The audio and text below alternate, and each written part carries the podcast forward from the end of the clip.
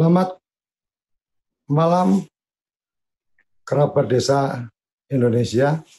Malam ini program pertama kita TV Desa dengan teman-teman dari Kementerian Dalam Negeri, Dirjen Bina Pemdes, kita mencoba mengangkat satu tema yang menarik dan ini akan jadi agenda malam mingguan desa malam mingguan ngobrolin desa. Jadi mungkin karena teman-teman yang konsen desa ini lebih ke teman-teman perangkat desa, penggerak desa, sudah senior-senior, jadi malam minggunya nggak ngapel pacar, tapi kita ngobrolin desa.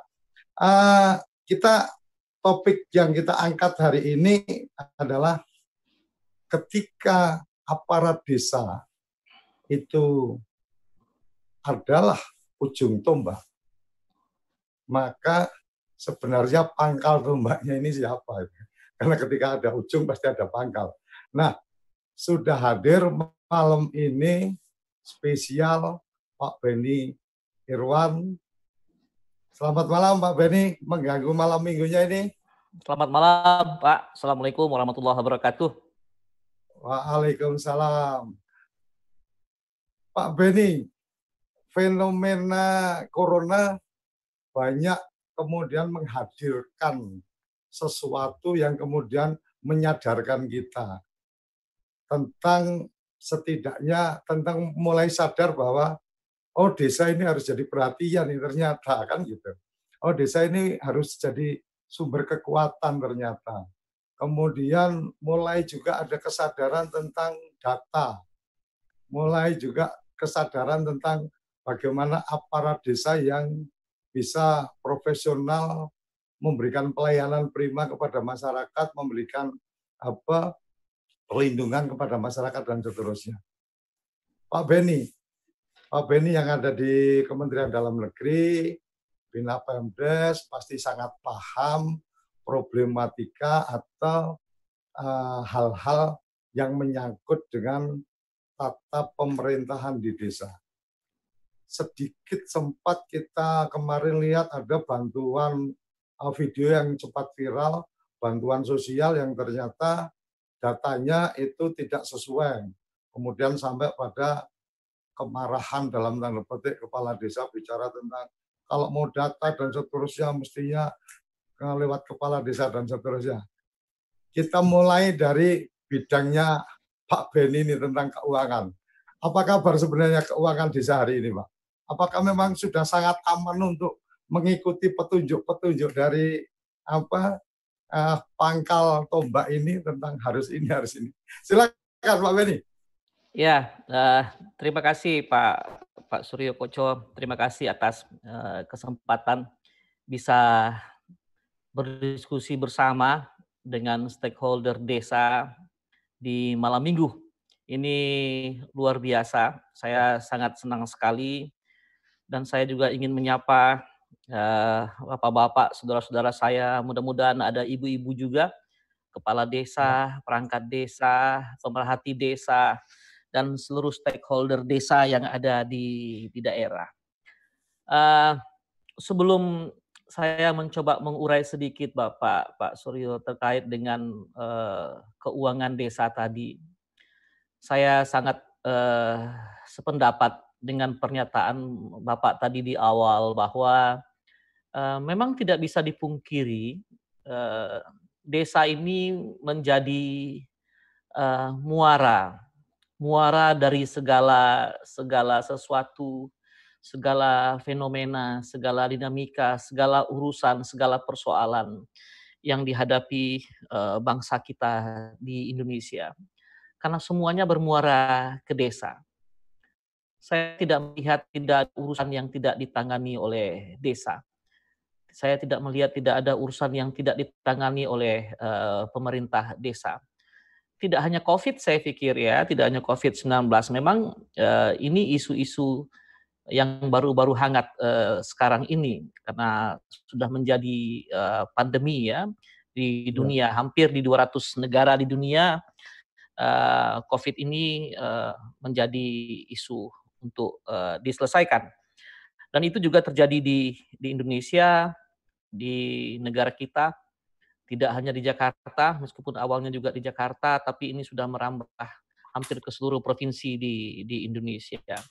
Jadi ini satu persoalan baru yang harus juga diselesaikan oleh pemerintah desa bersama masyarakat desa di samping persoalan-persoalan pemerintahan, persoalan-soal pembangunan, pemberdayaan masyarakat dan pembinaan kemasyarakatan lainnya yang ada di desa.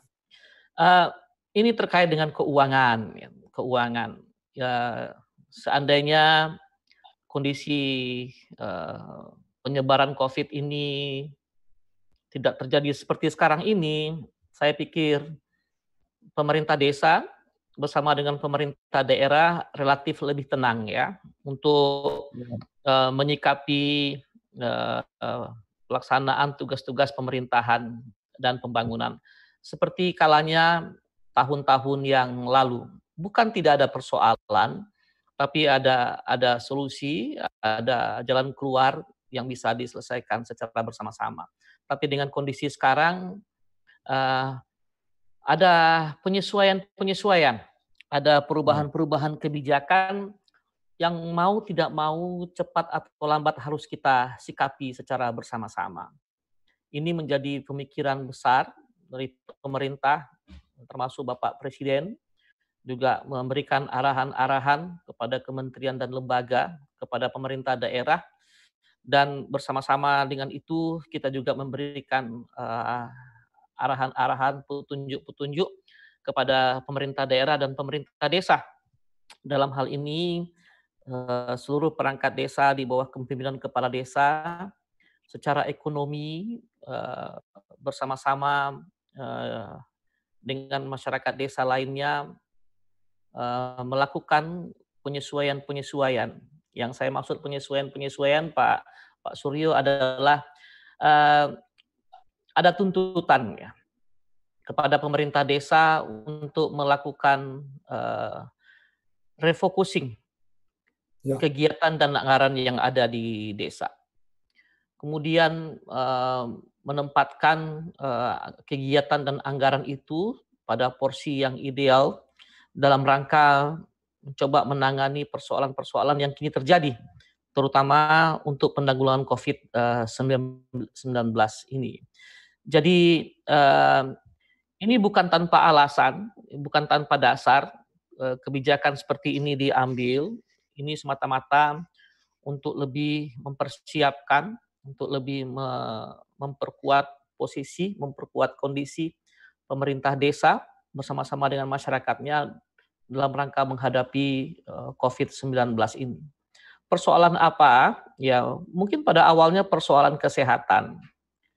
Kemudian berubah atau bergeser menjadi persoalan ekonomi. Dan tidak tertutup kemungkinan dari dua persoalan tadi akan merebak atau menyebar kepada persoalan-persoalan sosial lainnya di tengah-tengah masyarakat masyarakat kita. Jadi uh, memang uh, sesuai dengan arahan uh, Presiden ada refocusing kegiatan dan anggaran, keuangan desa secara spesifik dana desa dialokasikan untuk kegiatan-kegiatan yang sifatnya pencegahan penanggulangan COVID-19. Baik itu melalui padat karya tunai di desa maupun melalui bantuan langsung tunai yang ada di desa.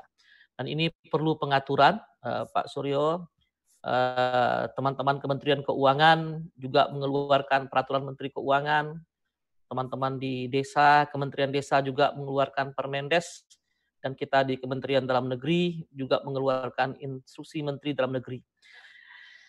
Eh, ketiga regulasi ini mencoba menempatkan posisi yang uh, optimal, posisi yang ideal di ruang lingkup fungsi dan tugasnya masing-masing. Kalaupun ada uh, tumpang tindih, pergesekan dan regulasi yang belum seiring sejalan, namun sambil berjalan ini kita kita selesaikan secara bersama-sama. Dalam dua hari terakhir, Pak Pak Suryo, teman-teman uh, di kabupaten uh, sudah melaksanakan uh, satu sosialisasi meeting bersama-sama dengan tiga kementerian ini. Saya beberapa hari yang lalu juga dalam forum yang berbeda bersama-sama dengan teman-teman LKPP juga berdiskusi dengan teman-teman di daerah. Banyak persoalan memang yang diangkat terkait dengan pengaturan-pengaturan khususnya dalam keuangan desa kita saat ini, terutama dalam pengelolaan dana desa. Itu sedikit komentar, Pak. Jadi memang uh, tumpuannya kepada pemerintah desa, tumpuannya kepada aparatur desa selaku uh, kalau boleh saya meminjam uh, judul dari tema kita malam ini selaku ujung tombak dalam pelayanan masyarakat kita di desa.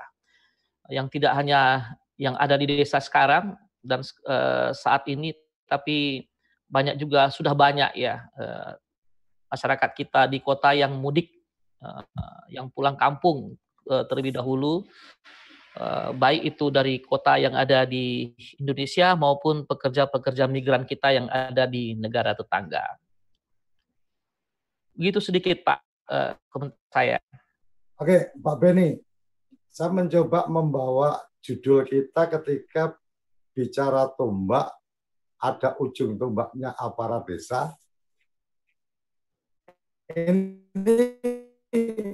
kalau kita bicara pangkal tombaknya yang mengarahkan ini sebenarnya siapa yang kemudian paling uh, artinya kalau kita bicara shareholder artinya yang yang punya share untuk memberikan arahan berdasarkan berdasarkan undang-undang kalau tidak salah tugas fungsi pembinaan pemerintahan desa ada di kabupaten. Nah, kemudian ketika ketika sekarang kita juga melihat ada para pendamping dan seterusnya, kemudian sekarang apa eh, teman-teman uh, desa juga berasa punya bapak dua kan gitu. Jadi kalau dulu kan udah jelas nih ketahuan cuma langsung ke Kementerian Dalam Negeri, sekarang ada Kementerian Desa jadi bapaknya dua gitu kan. Ini sebenarnya yang yang kemudian yang kemudian paling punya apa tanggung jawab besar ke perangkat desa ini di wilayah Pak Beni atau di wilayah Kalibata, Pak? ya, ini ini menarik nih Pak Pak Pak Suryo ya. Uh, memang uh, lima tahun terakhir sejak uh, kepemimpinan pemerintahan Pak Pak Bapak Presiden Jokowi uh, kementerian yang secara langsung melakukan pembinaan kepada desa itu menjadi dua. Nah, kalau saya malah menyebutnya bisa dua setengah atau tiga katakanlah begitu ya. Uh, ada Kementerian Dalam Negeri yang fokus kepada pembinaan dalam aspek pemerintahan desa. Kemudian ada Kementerian Desa yang fokus kepada pembinaan eh, penyelenggaraan atau pelaksanaan pembangunan desa, pemberdayaan masyarakat, dan pembinaan kemasyarakatan. Meskipun eh, kadang-kadang kita sulit untuk me mencoba memisah-misahkan antara pemerintahan, pembangunan, pemberdayaan masyarakat dalam implementasinya atau dalam prakteknya di lapangan. Di samping dua kementerian ini ada juga Kementerian Keuangan yang secara khusus fokus dalam melakukan pembinaan eh, pengelolaan dana desa uh, kita tidak perlu lagi mencoba memilah-milah Pak uh, Pak Suryo. Uh, maksud saya dari sisi kedudukan uh, memang uh, berdasarkan Undang-Undang Nomor 6 Tahun 2014 tentang Desa itu uh, pasal 112 sampai pasal 115 itu nyata-nyata dijelaskan bahwa pemerintah dalam arti kata ini pemerintah pusat, kemudian pemerintah daerah provinsi, pemerintah daerah kabupaten, itu mempunyai tanggung jawab dalam melakukan pembinaan penyelenggaraan pemerintahan desa, pemberdayaan masyarakat, pembinaan kemasyarakatan, dan pelaksanaan pembangunan. Jadi ini sebenarnya satu kesatuan yang tidak bisa dipisahkan. Tapi dari sisi fungsi dan tugas, memang untuk penyelenggaraan uh, pemerintahan desa ini lebih banyak uh, dibebankan kepada uh, Kementerian Dalam Negeri pada Direktorat Jenderal Bina Pemerintahan Desa. Kalau kita mencoba melihat kepada undang-undang undang-undang 6 yang saya maksud ada urusan-urusan yang harus diselesaikan oleh Kementerian Dalam Negeri dalam penyelenggaraan pemerintahan desa. Kalau saya tidak salah dari 18 urusan itu 15 urusan harus diselesaikan oleh Kementerian Dalam Negeri. Dan ada beberapa urusan yang dihandle oleh teman-teman di Kementerian Desa dengan berkoordinasi dengan Kementerian Dalam Negeri dan kementerian terkait lainnya terutama Kementerian eh, Perencanaan Pembangunan Nasional. Eh, apa pun itu urusannya, ya, itu menjadi sekarang ini sudah menjadi tanggung jawab bersama Eh, pembinaan pemerintahan desa, pelaksanaan pembangunan desa dan lain-lain segala macam itu sudah menjadi tanggung jawab bersama pemerintah. Tentunya ini tidak lepas daripada dukungan yang diberikan oleh teman-teman di pemerintah daerah provinsi maupun pemerintah daerah kabupaten. Uh, uh, pembinaan, pengawasan, penyelenggaraan pemerintahan desa ini uh, kami di Kementerian Dalam Negeri sesuai dengan fungsi dan tugasnya itu memang melaksanakannya secara berjenjang, Pak. Berjenjang. Jadi tidak bisa selesai oh, sama bina pemerintahan desa sendiri dan juga tidak bisa dilepaskan kepada teman-teman di provinsi dan di kabupaten. Ini harus secara bersama-sama, secara bersimultan. Jadi eh, jika kita ingin meningkatkan kapasitas pemerintahan desa, kita ingin melakukan pemerintahan pembinaan Eh, kepada pemerintah desa. Terlebih dahulu uh, kami di Kementerian Dalam Negeri melakukan pembinaan, melakukan kegiatan peningkatan kapasitas dalam arti luas kepada teman-teman di daerah. Dalam hal ini provinsi, kabupaten, dan bahkan sampai ke tingkat uh, kecamatan sebagai aparatur pemerintah pemerintah uh, daerah. Tapi dalam praktek yang lain, teman-teman dari Kemendes, teman-teman dari Kementerian Keuangan juga mempunyai kepentingan agar eh, substansi-substansi kebijakan-kebijakan yang tertuang dalam regulasi dari masing-masing kementerian itu juga sampai kepada pemerintah desa melalui pemerintah pemerintah uh, daerah.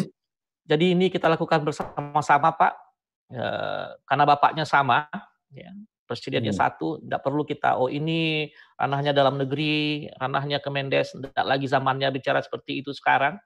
Kita bersama-sama secara sinergi. Dan itu yang kami lakukan saat ini bersama dengan teman-teman Kementerian Keuangan, Kementerian Desa uh, dalam uh, melaksanakan arahan Presiden untuk uh, pelaksanaan kebijakan-kebijakan penanggulangan COVID-19. Begitu Pak Pak Pak Suryo. Yang uh, oke okay. uh, ini menarik sekali bahwa kita sudah tidak perlu lagi bicara bapaknya tiga atau berapa atau dua setengah atau dua, tapi bapaknya satu ya Pak Presiden kan. Artinya artinya mungkin uh, kerjasama atau kebersamaan semua kementerian yang me, apa terkait ke desa ini menjadi kata kunci saya pikir untuk kemudian teman-teman di desa juga tidak terlalu kebingungan atau tidak terlalu apa merasa mendapatkan banyak beban dari tugas-tugas yang ada. Yang yang menarik ketika kemudian sekarang bicara COVID, ada ada perubahan uh, refocusing tadi yang Bapak sampaikan. Salah satunya adalah kemudian ada apa bantuan langsung tunai dari dana desa, kemudian ada juga apa uh, padat karya apa padat karya tunai, kemudian ada juga pembiayaan untuk keperluan penanggulangan dan pencegahan uh, COVID. Beberapa hal yang kemudian saya melihat ketika kemudian ini dilaksanakan mungkin kan tetap harus melakukan proses musyawarah desa dan seterusnya. Tetapi yang apa yang mungkin sempat menjadi kekhawatiran saya mungkin teman-teman perang, aparat perangkat desa saya nggak tahu mereka khawatir atau tidak ketika kemudian ada kesalahan pencatatan dan seterusnya itu kemudian menjadi apa menjadi pencermatan daripada teman-teman dan seterusnya ini kan akan akan juga membuat kalau perangkat desanya apa ketakutan malah kemudian tidak melakukan apa pun. Nah, saya juga sudah mengikuti tentang bagaimana teman-teman dari Kementerian Dalam Negeri uh, me meluncurkan Siskudes kemarin yang uh, dua dua poin kosong ya pak ya? Yang sudah dua titik kosong titik dua ya? Ah dua titik kosong titik dua. Artinya ini sudah sudah dengan melakukan banyak perubahan di situ dan seterusnya pertanyaan pertanyaan saya di masalah administrasi nih pak di masalah administrasi sebenarnya uh, dari jumlah desa yang ada seberapa banyak yang kemudian sudah sangat memahami atau kemudian menggunakan sistem keuangan desa yang diluncurkan uh, oleh teman-teman dari Kementerian Dalam Negeri bersama dengan BPKP.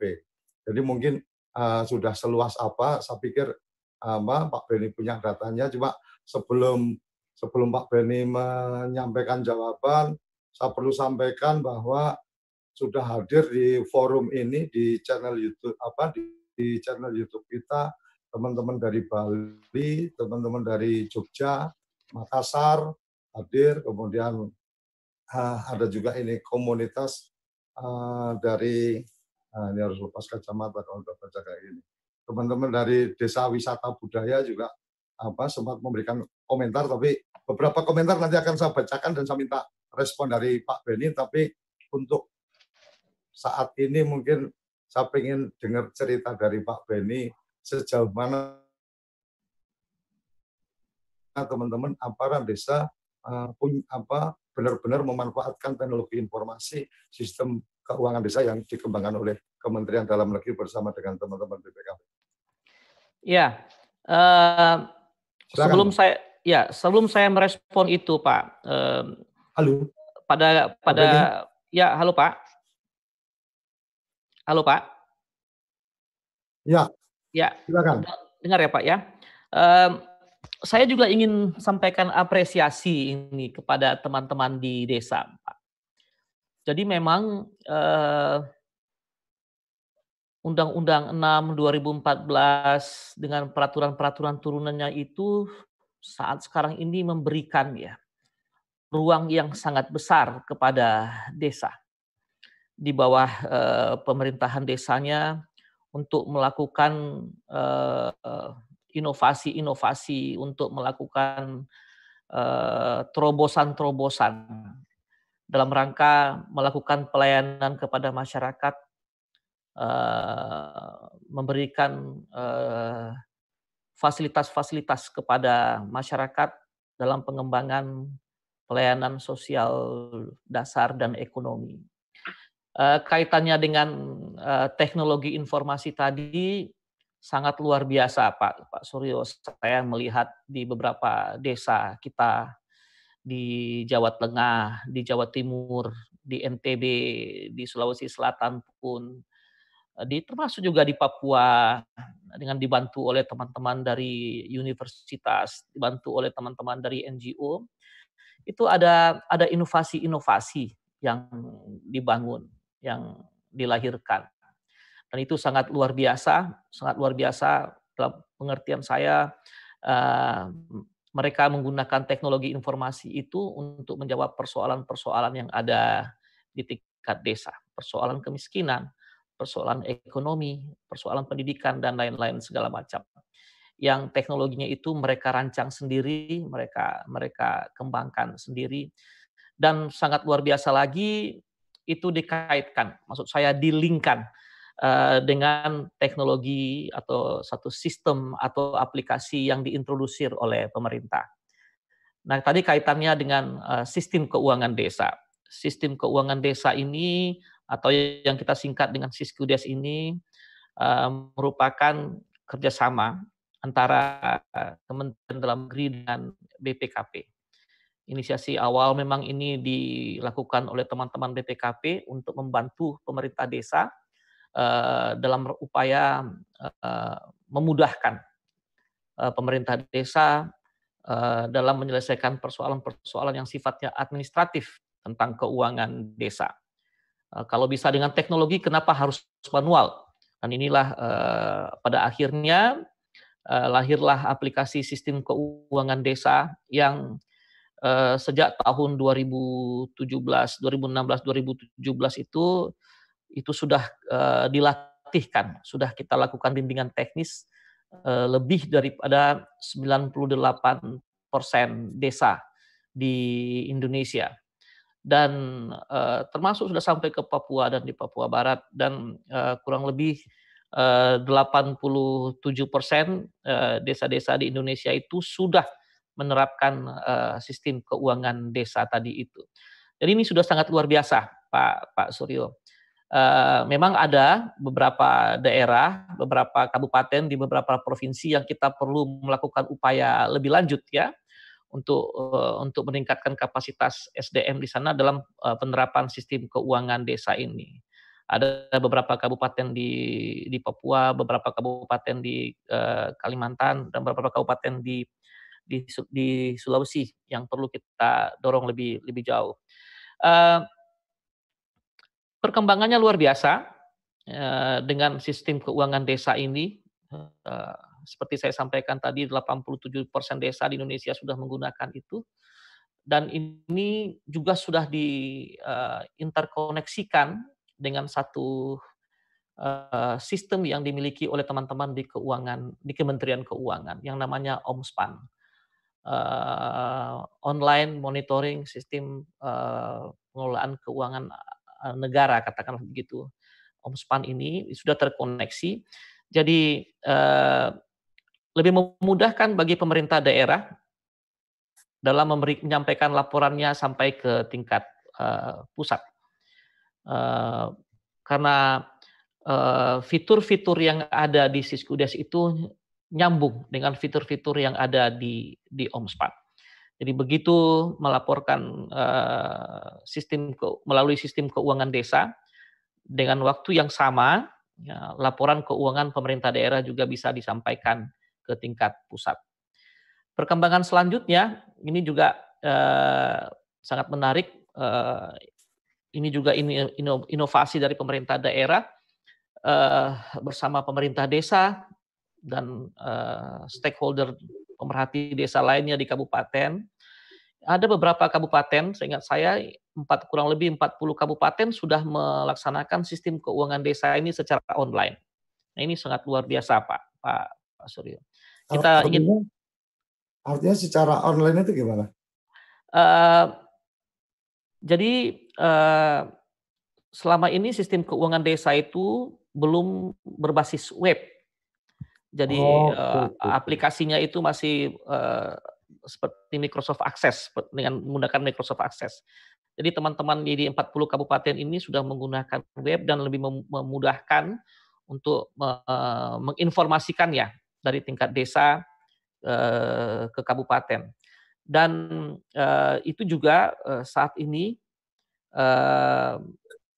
sebagai pengembangan dari sistem keuangan desa di samping sudah terkoneksi tadi dengan OMSPAN, eh, saat ini eh, kami di Kementerian Dalam Negeri sudah memiliki, sudah menguji cobakan dan siap untuk di-share kepada teman-teman di kabupaten, itu satu aplikasi yang kita sebut dengan aplikasi konsolidasi sistem keuangan desa. Eh, saya informasikan Pak Suryo bahwa ada kewajiban dari pemerintah daerah, kabupaten kota untuk menyampaikan laporan kepada Menteri Dalam Negeri melalui Bina Pemerintahan Desa terkait dengan realisasi APBDes setiap tahunnya. Jadi ini diamanatkan oleh pasal 71 Peraturan Menteri Dalam Negeri nomor 20 tahun 2018 tentang pengelolaan keuangan desa. Nah, sebenarnya mulai 2020 ada uh, kewajiban kewajiban dari kabupaten untuk, untuk menyampaikan laporan realisasi APBDes laporan setiap realisasi APBDes itu ya. kabupaten bertanggung jawab melaporkan ke Kementerian Dalam Menteri Negeri. Menteri Dalam Negeri.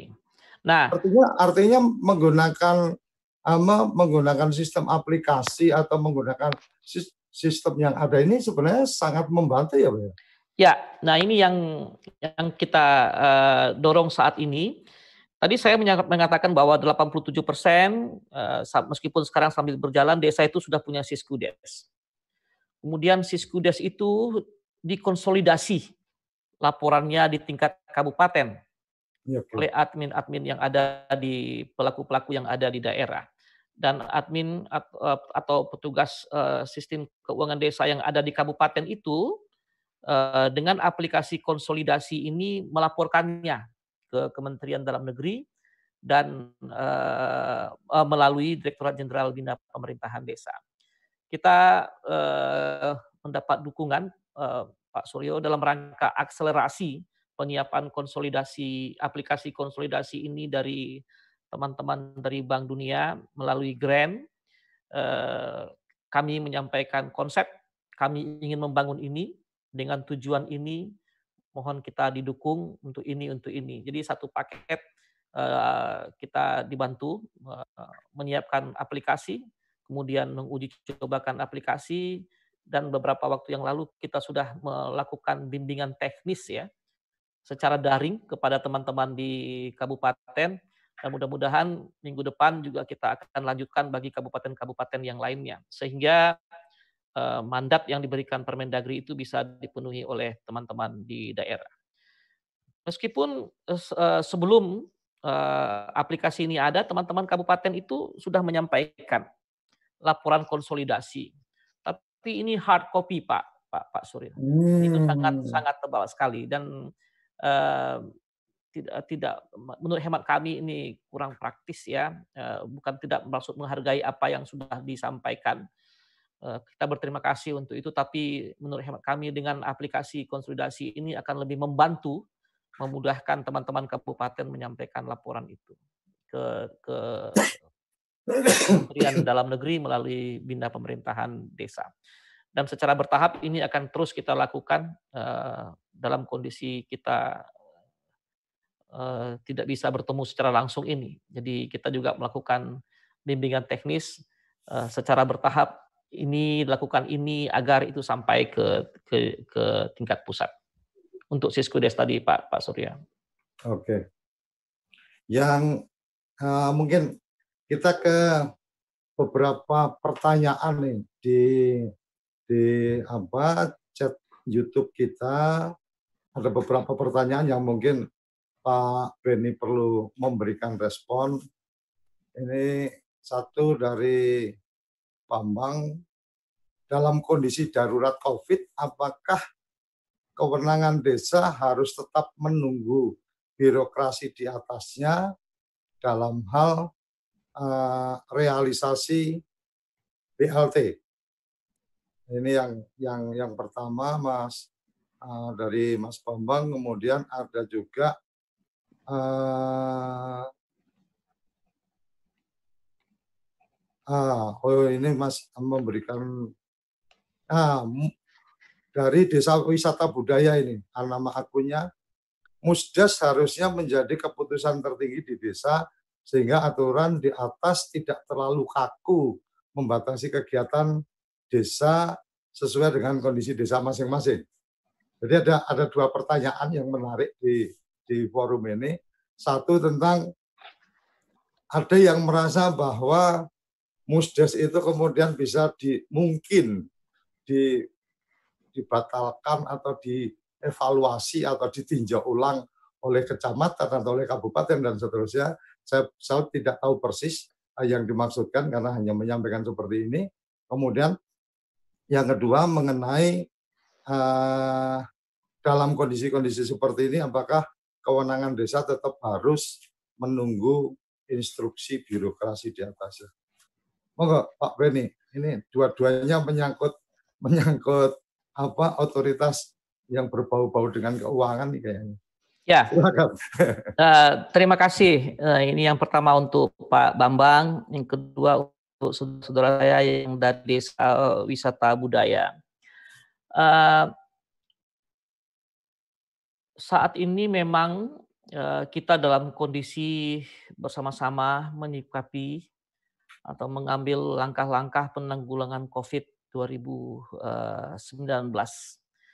Seperti tadi saya sampaikan di awal, memang pemerintah memberikan arahan, terutama Bapak Presiden memberikan arahan dalam rangka pemanfaatan sumber daya yang yang berasal dari negara.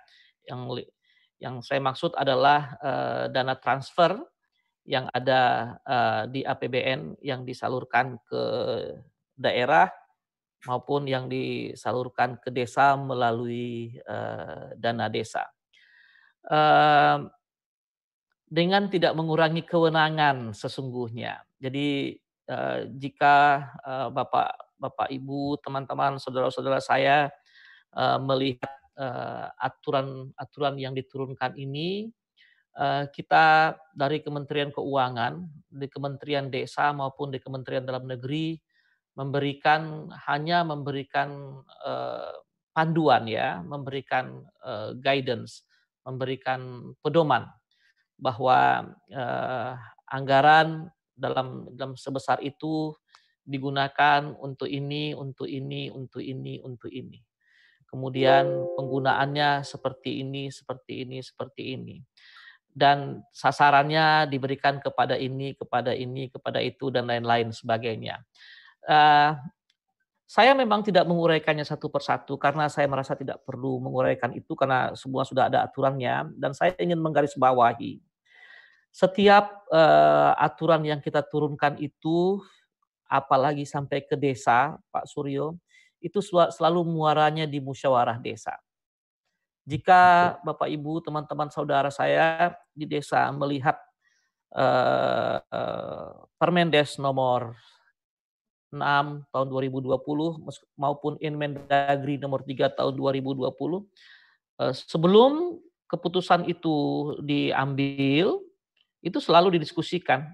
Kalau di Permendes itu nyata-nyata dinyatakan dikatakan dilaksanakan melalui musyawarah desa khusus.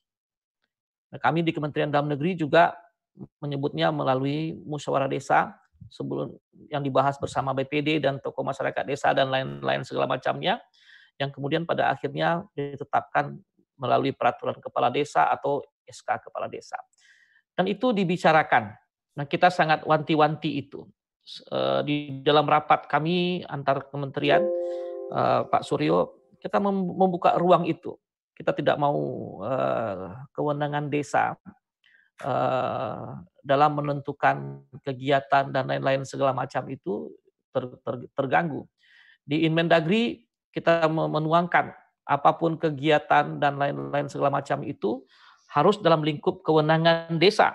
Kewenangan baik itu kewenangan berdasarkan hak asal usul maupun kewenangan lokal berskala berskala desa. Untuk apa? Untuk tidak terjadi tumpang tindih. Ini yang menjadi urusan desa ya diselesaikan oleh desa. Yang ini menjadi tanggung jawabnya supra desa ya diselesaikan melalui supra desa. Jadi sampai ke sana kita memberi ruang kepada pemerintah uh, desa untuk mengaturnya. Demikian juga untuk uh, penentuan ya, penentuan uh, target katakanlah begitu, sasaran katakanlah untuk penerima BLT. Nah, baik teman-teman dari Kementerian Keuangan itu hanya memberi pagar-pagar. Eh, BLT diberikan kepada keluarga miskin yang ada di desa yang belum mendapatkan eh, BLT dari APBN maupun dari APBD.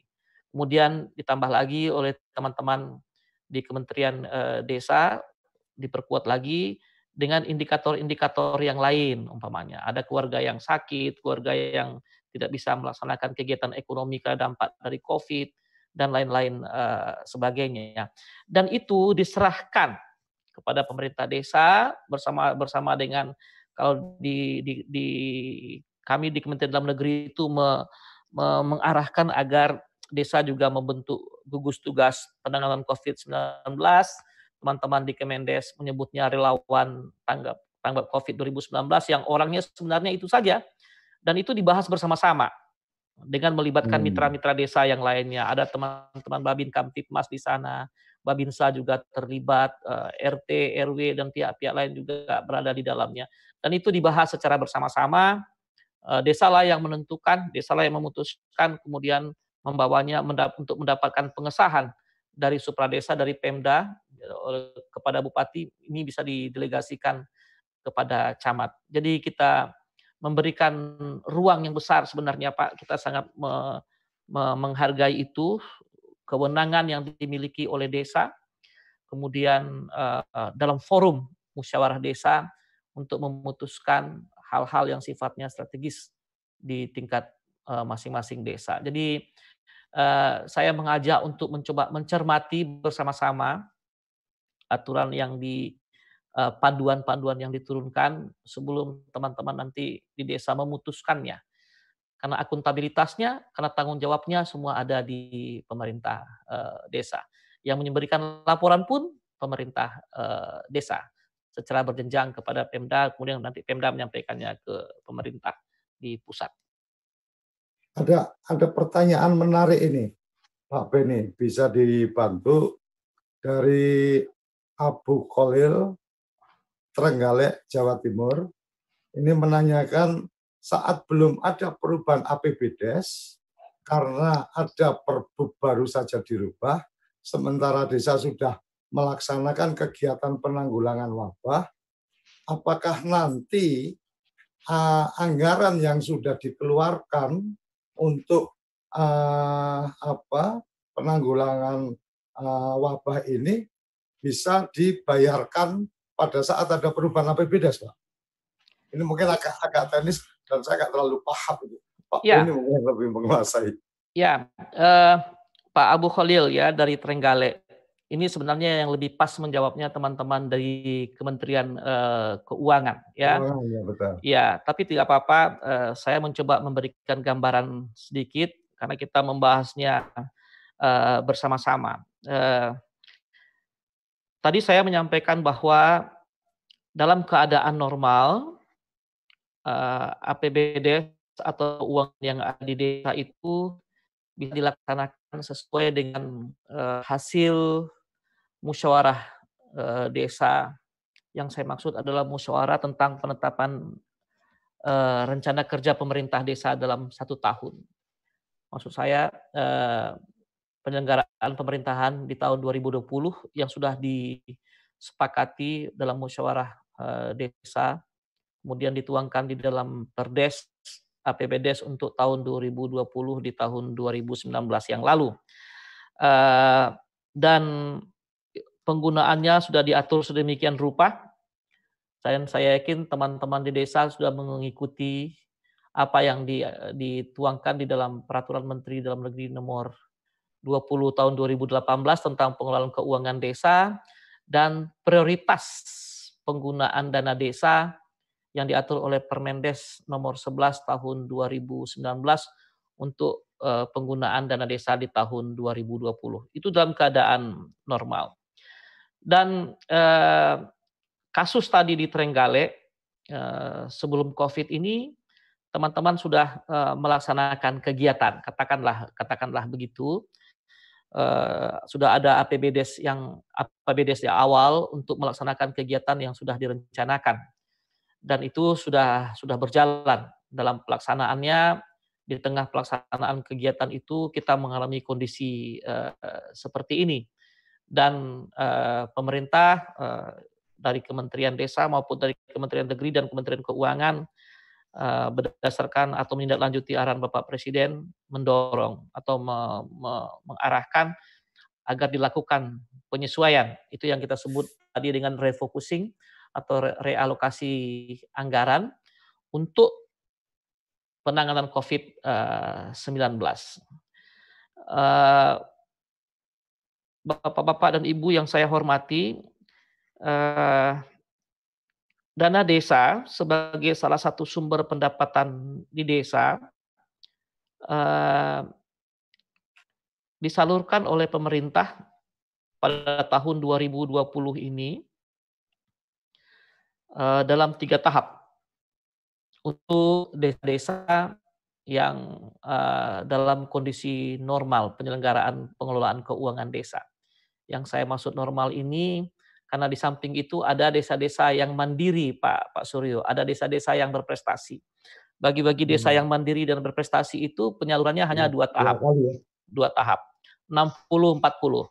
Sementara yang untuk uh, desa yang biasa ini, yang normal ini pencariannya tiga tahap, 40, 40, 20. Ini uh, dibalik ya. Dibalik dari tahun-tahun sebelumnya. Tahun-tahun sebelumnya itu 20 40 uh, 40. Ini bukan tidak ada bukan tidak ada maksud, bukan tidak ada uh, tujuan uh, Pak Suryo, Bapak-bapak dan ibu-ibu yang saya hormati. Karena uh, uh, pemerintah sudah mengantisipasi mengantisipasi kemungkinan-kemungkinan lebih jauh daripada itu, pemerintah ingin agar masyarakat yang ada di desa itu mempunyai pendapatan. Jadi semakin besar dana di awal, kemudian semakin cepat juga untuk disalurkan, akan semakin cepat juga masyarakat di desa menikmati uh, dana desa tadi atau menikmati sumber-sumber pendapatan desa yang yang lainnya. Uh, tidak ada persoalan dengan pertanyaan yang disampaikan Pak Abu Khalil tadi. Jadi jika pada tahap awal teman-teman di desa sudah menggunakan dana desa itu untuk kegiatan-kegiatan yang sudah direncanakan. Sebelum dilakukannya perubahan itu bisa di bisa dilanjutkan. Bisa dilaksanakan. Uh, kemudian Pak dana, Beni, ya. Pak Beni, kayaknya yang saya tangkap dari pertanyaan itu adalah sebelum ada perubahan uh, APBDes, teman-teman di desa itu sudah mengeluarkan anggaran untuk keperluan penanggulangan COVID. Apakah yang kemudian sudah dikeluarkan itu bisa di artinya bisa dibayarkan dengan menggunakan uh, dana dari perubahan anggaran itu?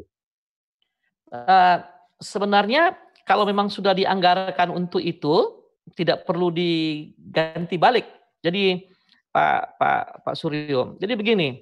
Pelak, maksudnya pelaksanaan itu sebelum ada sebelum ada perubahan anggaran, Pak? Ya. bisa ya?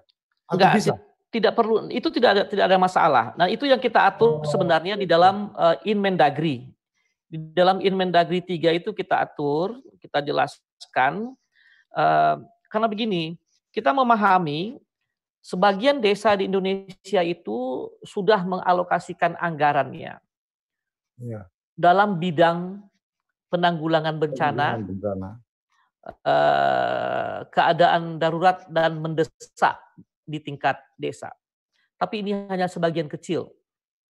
Nah, dan sebagian besar uh, desa belum menganggarkannya untuk untuk itu. Dan di dalam Inmendagri uh, kita memberikan langkah-langkah. Bahkan itu sebenarnya lebih lebih lebih baik, tidak perlu tidak perlu melakukan perubahan perubahan perubahan hmm. APBDes-nya karena sudah dialokasikan anggaran untuk itu. Nah, persoalnya sekarang alokasi anggaran yang di, sudah diletakkan di, uh, untuk bidang penanggulangan bencana itu cukup atau tidak untuk mengatasi ya, persoalan-persoalan uh, COVID. Jadi silakan digunakan yang sudah ada, silakan dipedomani uh, Inmendagri yang ada itu bahkan lebih lebih cepat. Jadi tidak perlu lagi didiskusikan dengan pihak-pihak uh, karena sudah dianggarkan. Uh, Pertama ini untuk kegiatan-kegiatan yang sifatnya padat karya tunai.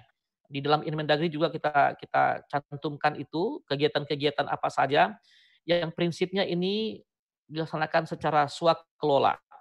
Kalau dulu kelola ini lebih kepada kegiatan-kegiatan yang sifatnya hmm. fisik, keras, pembangunan jembatan, jalan dan lain-lain. Sekarang oh, padat karya tunai itu diarahkan untuk penang, penanganan atau penanggulangan COVID-19 yang melibatkan uh, uh, masyarakat miskin di desa yang harus dibayarkan uangnya uh, hari orang kerjanya itu per hari yang memanfaatkan sumber daya alam yang ada di desa diutamakan oleh masyarakat, diutamakan kepada masyarakat miskin atau setengah miskin, penganggur atau setengah penganggur, sehingga bisa mendapatkan uh, pendapatan uh, di, di dalam pelaksanaan kegiatan itu. Dan perlu juga kita ingatkan bahwa di dalam melaksanakan kegiatan padat karya tunai itu uh, masyarakat di desa juga diharapkan memperhatikan Pak Suryo protokol-protokol uh, tanggap darurat COVID ini meskipun di tingkat desa, tapi itu juga harus diperhatikan kapan saatnya harus menjaga jarak, kapan saatnya harus menggunakan masker, kapan saatnya untuk berkomunikasi mematuhi aturan yang yang lain-lain ya sebagainya kapan cuci tangan dan lain-lain sebagainya itu itu harus diikuti oleh eh, teman-teman uh, yang ada di di tingkat desa. Jadi silakan dilanjutkan saja. Kalau masih kurang Nah, kita juga mengaturnya di Inmendagri. Silakan di, di, dirembukkan bersama-sama di tingkat di tingkat desa. Tidak ada persoalan dengan dengan itu. Dan bagi yang belum, nah ini kita minta untuk segera dilakukan revisi atau perubahan. Kembali ke Pak Pak Suryo. Oke, Pak Pak, Pak Beni, ini eh, nggak uh, terasa ini udah udah hampir satu jam kita ngobrol-ngobrol uh, masih ada waktu sekitar 8-9 menit ke depan. Ada ada yang menarik ini Pak Beni dari teman Makassar menyampaikan bahwa uh, kondisi darurat COVID ini regulasi sudah cukup kalau dari pusat. Cuma, uh, kemudian uh, membutuhkan komitmen pemerintah daerah untuk mengarahkan pemerintah desa dalam apa uh, tindakan atau segera bertindak. Uh, nanti Pak Benny boleh berkomentar atas apa pendapat dari teman di Makassar ini. Kemudian yang yang berikutnya ini uh, dari Bali untuk menghindari tumpang tindih data maka data relawan desa atau valid ke Mensos sehingga ini akan menjadi hambatan uh, bagaimana pemerintah pusat menyikapi. Artinya uh, ini mungkin yang dimaksudkan Pak Kira uh, agenda yang uh, bantuan langsung tunai dari dana desa itu mungkin artinya menghindari tumpang tindih data karena ada juga dari apa Kementerian Sosial bagaimana ini mesti disikapi. Jadi ada dua dua ini yang apa dua hal ini yang bisa di direspon apa sambil closing statement karena saya, saya apa kita sepakati bahwa malam minggu aja nggak apa cukup 60 menit kalau terlalu terlalu panjang bisa mengganggu teman-teman berkegiatan yang lain. Silakan Pak Beni, dua dua hal tadi yang mungkin bisa di, diberikan respon.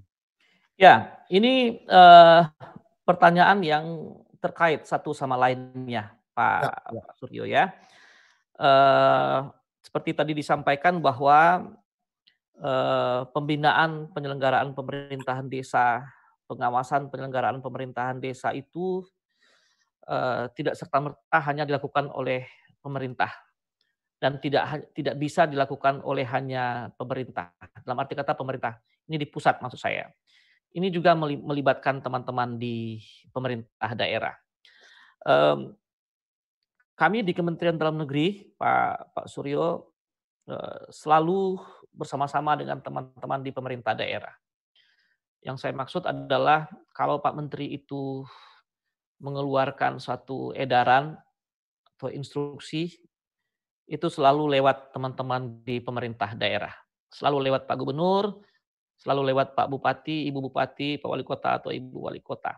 Yang nanti diterjemahkan secara operasional oleh eh, organisasi perangkat daerah yang terkait dengan dengan itu.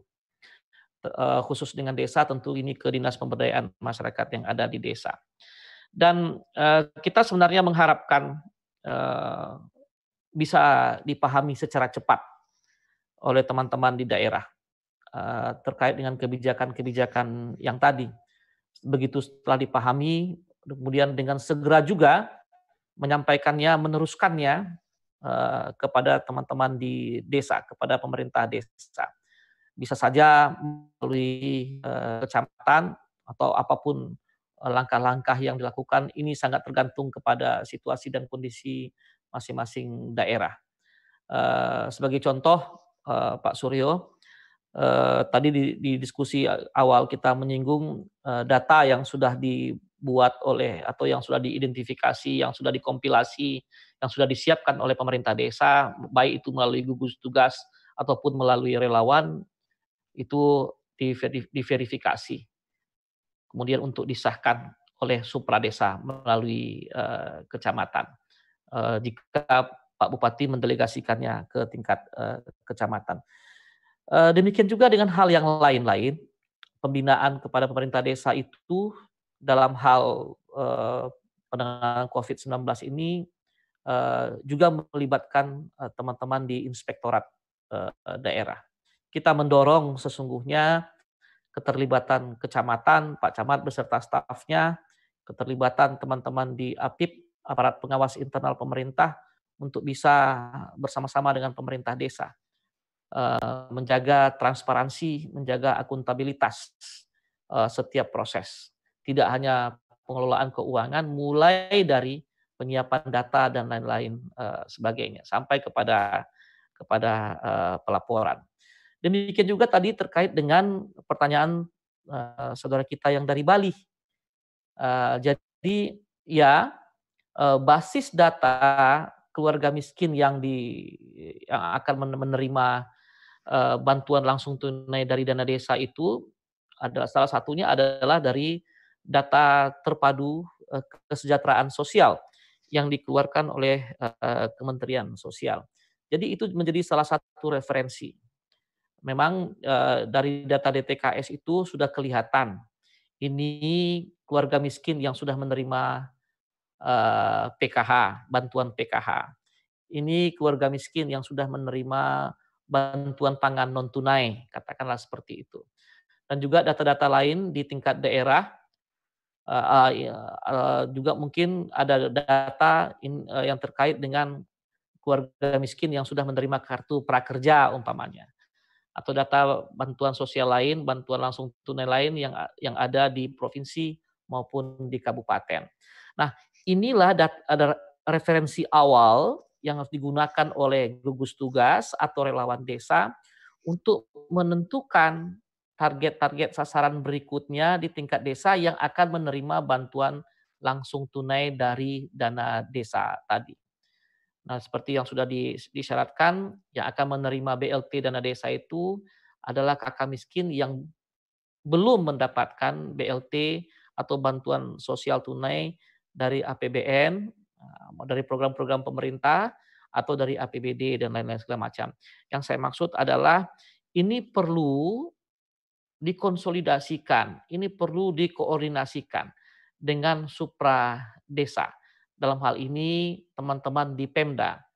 Uh, ini bisa didiskusikan di Pemda antara dinas PMD dengan dengan dinas sosial. Kemudian pada akhirnya nanti bisa disepakati bahwa inilah uh, kakak-kakak miskin di desa yang bersangkutan yang bisa mendapatkan bantuan langsung tunai. Jadi teman-teman di desa setelah mengumpulkan itu kemudian mengidentifikasi ditetapkan oleh desa, divalidasi bersama-sama dengan pemerintah daerah, baru kemudian nanti disahkan eh, secara bersama-sama untuk mendapatkan bantuan langsung tunai itu. Jadi tidak jadi apa nuansa pembinaan, nuansa pengawasan itu tetap berjalan bersama-sama di tingkat uh, daerah, artinya, Pak Artinya salah satu kata kuncinya adalah proaktif dari pemerintah desa juga untuk melakukan konsultasi ke uh, kecamatan maupun ke kabupaten. Mungkin lebih ke kabupaten ketika, ketika bicara tentang data dari apa langsung tunai dari dana desa. Ya. Artinya saya bisa simpulkan bahwa des, uh, dari pembicaraan malam ini ujung tombaknya apa aparat desa pangkal pangkal tombaknya siapa ini sangat apa berjenjang sampai di tingkat pusat karena memang waktu kita terbatas tapi setidaknya malam ini kita mendapatkan banyak pencerahan dari Pak Beni, beberapa teman-teman yang kemarin sempat mengadu ke saya juga saya sempat undang di sini dan sudah menyampaikan di apa di chatting WA bahwa dia sudah apa uh, ikut mengikuti acara ini jadi semoga mendapatkan pencerahan tapi setidaknya saya sangat apa appreciate sekali dengan kesempatan yang diberikan kepada TV Desa bersinergi dengan Kementerian Dalam Negeri untuk membuat satu program yang kemudian kita bisa secara rutin mingguan, malam mingguan, idenya Pak Beni luar biasa. Malam mingguan kita mendiskusikan desa. Hari ini sebagai pembuka, semoga apa berikutnya teman-teman bisa mengirimkan pertanyaan ke kita ke tim TV Desa untuk bisa kemudian mendiskusikan ke teman-teman kementerian ke Kementerian Dalam Negeri untuk kemudian bisa memberikan oh dari beberapa pertanyaan yang sudah masuk kita minggu depan mengangkat tema apa yang kemudian lebih pas berbicara siapa apakah Pak apa Pak Beni lagi uh, sebagai bintangnya di sini atau kemudian bisa uh, bergantian dengan teman-teman direktur yang lain atau bahkan mungkin kita coba akan meminta kalau secara khusus minggu depan Pak Dirjen bisa hadir untuk apa berdiskusi malam mingguan. Saya pikir ini satu yang luar biasa. Terima kasih Pak Beni atas waktunya mengganggu malam minggunya, tetapi malam mingguan kita di sini bersama teman-teman kerabat desa di seluruh Indonesia. Dan kepada teman-teman yang mengikuti acara ini secara langsung atau yang kemudian mengikuti setelah acara ini selesai, teman-teman bisa menyampaikan uh, ide-ide pertanyaan atau ide-ide tema yang coba kita angkat ke tim redaksi TV Desa. Bisa menggunakan chatting yang ada di apa di YouTube untuk kemudian nanti kita apa akan sampaikan atau kita akan susun siapkan dengan tim redaksi untuk apa topik yang akan kita angkat uh, di minggu depan. Saya pikir 60 menit bahkan lewat tanpa terasa jadi keasikan ngobrol dengan Pak Beni dan teman-teman di chatting.